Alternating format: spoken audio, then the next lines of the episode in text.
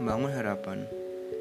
Sudah satu tahun ini, setiap musim liburan sekolah, rumah Kang Sajo seperti tidak pernah sepi.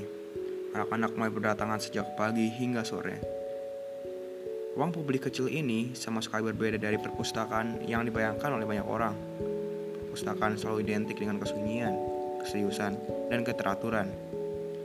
Perpustakaan adalah tempat anak-anak pintar berkacamata.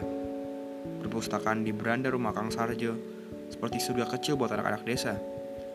Ruang perpustakaan itu tidak lebih dari 2 kali 2 meter persegi. Dalam waktu bersamaan, ruang itu bisa disesaki oleh lebih dari 10 anak. Anak-anak merasa bebas di situ. Mereka bisa menjadi diri mereka sendiri. Tidak ada bentakan atau tatapan tajam. Mereka boleh bebas bercanda.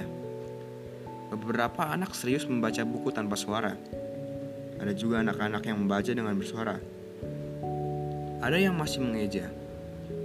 Kang Sarjo dan istrinya sudah terbiasa dengan kegaduhan anak-anak. Hanya sesekali mereka menegur, mengatasi kegaduhan jika suara anak-anak sudah keterlaluan kerasnya. Koleksi buku Kang Sarjo lumayan banyak. Sejak masih remaja, Kang Sarjo telah mulai memiliki banyak buku dan majalah. Buku itu ia dapat dari kakak tertuanya. Kang Sarjo sangat dekat dengan kakak perempuannya. Kakaknya pintar dan cantik ia dijuluki kembang desa. Kakaknya sering mengajari Kang Sarjo berhitung dan membuat PR. Sampai peristiwa malam itu. Tengkulak yang biasa datang ke rumah terlihat bicara serius dengan ayah Kang Sarjo. Wajah ayah Kang Sarjo tampak berseri-seri. Ternyata kakak perempuan Kang Sarjo dilamar oleh pedagang beras dari kota. Kakak perempuannya belum lama lulus dari SMP. Kang Sarjo jelas mengingat wajah lugu kakak perempuannya yang kebingungan saat didandani sebagai pengantin. Itu menikah, kakaknya langsung diboyong suaminya dan tinggal di kota. Ia hampir tidak pernah pulang ke desa. Namun kakaknya rutin mengirim uang ke desa. Ia juga rutin mengirim buku bacaan yang bagus untuk Kang Sarjo. Kadang kakaknya mengirim dua buku, kadang lima buku. Pernah juga kakaknya mengirim setumpuk majalah anak Banyakkan buku yang dikirim adalah buku bacaan anak dan buku ilmu pengetahuan.